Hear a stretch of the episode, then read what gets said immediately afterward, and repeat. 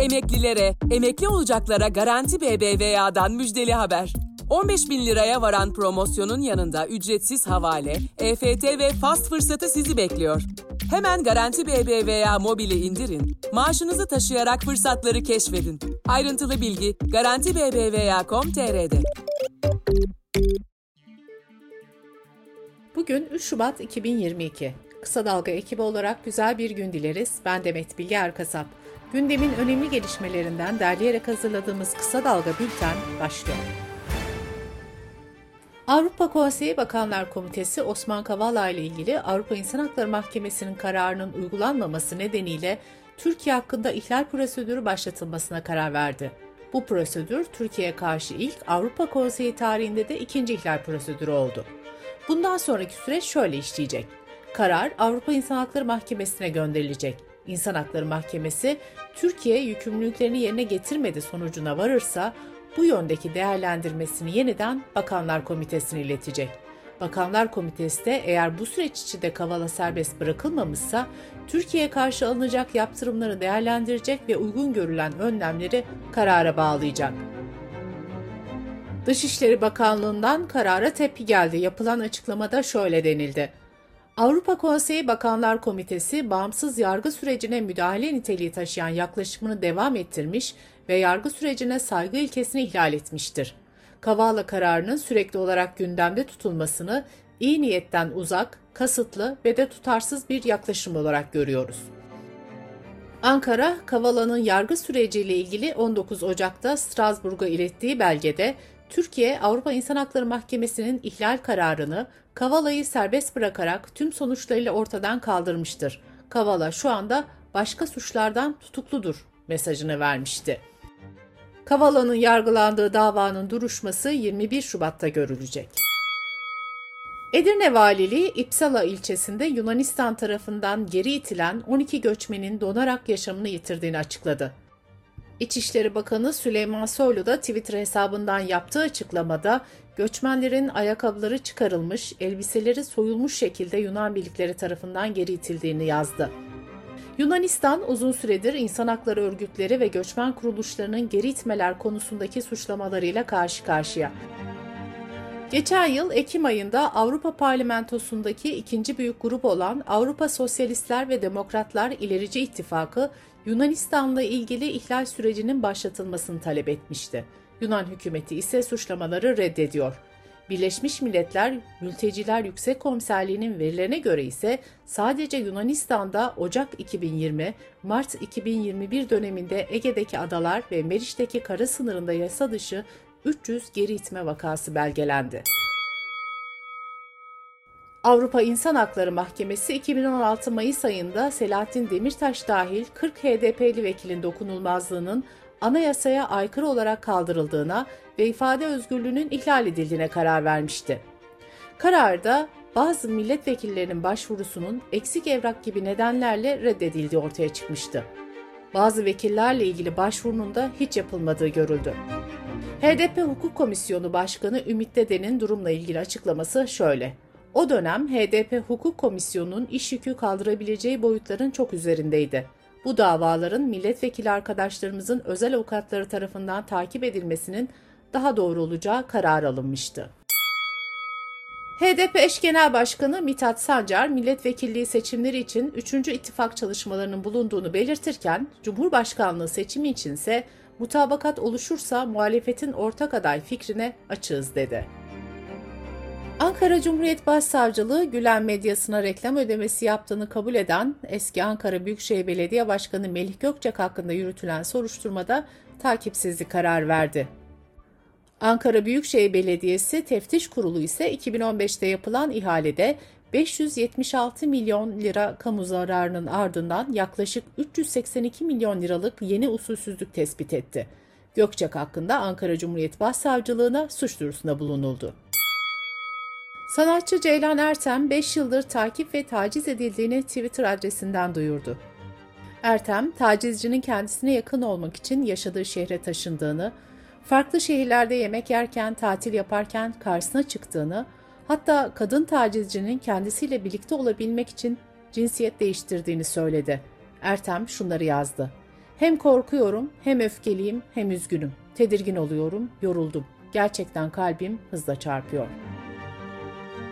Danıştay 13. Daire Mersin Barosu'nun Tarım ve Orman Bakanlığı'nın Mersin bölgesinde 39 yaban keçisinin avlattırılmasına izin verdiği ihalelerin yürütmesinin durdurulması ve iptali istemiyle açtığı davayı kabul etti. İhale Danıştay'ın oy birliğiyle aldığı kararla iptal edildi. İzmir'de boşanma aşamasında olduğu eşinin TikTok'ta uzun süre vakit geçirdiğini ve bu sebeple iki kızına ilgi göstermediğini öne süren baba, çocukların velayetini mahkeme kararıyla aldı. Covid-19 gelişmeleriyle bültenimize devam ediyoruz. Omikron varyantına bağlı vaka sayılarında artış devam ediyor. Sağlık Bakanlığı'nın resmi verilerine göre pozitif vaka sayısı 100 bin bandını aştı. Vaka sayıları ile birlikte yoğun bakımlardaki doluluk oranları da artıyor. Uzmanlara göre yoğun bakıma yatan hastaların çoğunu aşısız ya da hatırlatma dozu bulunmayanlar ve 65 yaş üzeri hastalar oluşturuyor. Türk Yoğun Bakım Derneği Başkanı Profesör Doktor Oktay Demirkıran, İstanbul genelindeki yoğun bakımlarda doluluk oranının %90-100 arasında olduğunu ve diğer illerde de vaka oranlarında artış yaşandığını söyledi. BioNTech ve Pfizer birlikte geliştirdikleri aşının 5 yaşın altındaki çocuklara da yapılabilmesi için Amerika Birleşik Devletleri İlaç Dairesi'ne acil ruhsat başvurusunda bulundu. 6 aylık bebeklerden 4 yaşındaki küçük çocuklara kadar olan yaş aralığını kapsayan başvuru onaylandığı takdirde BioNTech Pfizer aşısı dünya üzerinde bu yaş grubuna uygulanacak ilk aşı olacak. İsviçre Özgürlük Hareketli adlı girişim tarafından başlatılan kampanyada aşı zorunluluğuna ilişkin halk oylamasına gidilmesi için 125 bin imza toplandı. Başbakanlık imza kampanyasını onayladı ancak referandumun ne zaman yapılacağını açıklamadı. Oylamadan olumlu sonuç çıkarsa COVID-19 aşısı zorunlu olmayacak. Sırada ekonomi haberleri var. Türkiye Genç İş Adamları Konfederasyonu Genel Kurulu'nda konuşan Cumhurbaşkanı Erdoğan, ekonomik gelişmeler açısından 20 Aralık'ın bir kırılma noktası olduğunu ve faiz konusundaki dayatmaları etkisiz hale getirdiklerini söyledi. Antalya Ticaret Borsası verilerine göre Ocak ayında domates ve sebze fiyatlarında rekor artış yaşandı. Buna göre domates fiyatı Ocak ayında bir önceki aya göre %73.21 oranında artarken bu artış geçen yılın aynı ayına göre %142.87'ye çıktı. Sebze fiyatları Ocak ayında bir önceki aya göre %50.11, geçen yılın aynı ayına göre ise %107.31 artış gösterdi. Elektrikte kademeli tarife hem yurttaşı hem de esnafı zorluyor. Türkiye Esnaf ve Sanatkarları Konfederasyonu Genel Başkanı Bendevi Palandöken, çoğu esnaf kapanmamak için bizden çözüm bekliyor. Bu şartlarda işletmeyi ayakta tutabilmek mümkün değil dedi. Enerji, Petrol, Gaz İkmal İstasyonları İşveren Sendikası Twitter hesabından yaptığı paylaşımda dünden itibaren benzinin litre fiyatına 39 kuruş, motorine de 32 kuruş zam yapıldığını açıkladı. Ticaret Bakanı Mehmet Muş yılın ilk ihracat rakamlarını açıkladı. Buna göre ihracat geçen yılın Ocak ayına göre %17 artarak 17.6 milyar dolar olarak gerçekleşti. İthalat ise %55 artışla 28 milyar dolar oldu. Bu rakamların ardından dış ticaret açığı 10.4 milyar dolar olarak kaydedildi. Ocak ayında enerji ithalatı 9 milyar dolar olarak gerçekleşti. Enerji hariç bakıldığında Ocak ayında ithalat 19 milyar dolar seviyesinde gerçekleşti. Ocak ayında ihracatın ithalatı karşılama oranı enerji hariç %88.3 olarak kaydedildi. İş yerlerinde işçilerin zam tekliflerine karşı yaptığı eylemler, direnişler devam ediyor. İstanbul Beylikdüzü'ndeki Alpin Çorap'ta patronun düşük zam teklifine karşı 3 vardiya iş durduran işçilerin zam talebi kabul edildi. Tüm işçilere 2500 lira zam yapılacağı ve eyleme katılanların işten atılmayacağının bildirilmesi üzerine işçiler yeniden işbaşı yaptı. Dış politika ve dünyadan gelişmelerle kısa dalga bültene devam ediyoruz. Dünya gündeminin başlıca konusu olan Ukrayna krizi hakkında açıklamalarda bulunan Rusya Devlet Başkanı Putin, savaş gibi olası senaryoların engellenebilmesi adına diyaloğun devamından yana olduğunu ifade etti. Putin diğer yandan Ukrayna'nın NATO üyesi olması halinde yaşanacaklara dikkat çekti ve şunları söyledi. Ukrayna'nın NATO üyesi olduğunu ve bu askeri harekata başladığını düşünelim. Böyle bir durumda NATO bloğuna karşı savaşa mı gireceğiz? Herhangi biri bunu düşündü mü? Sanırım hayır.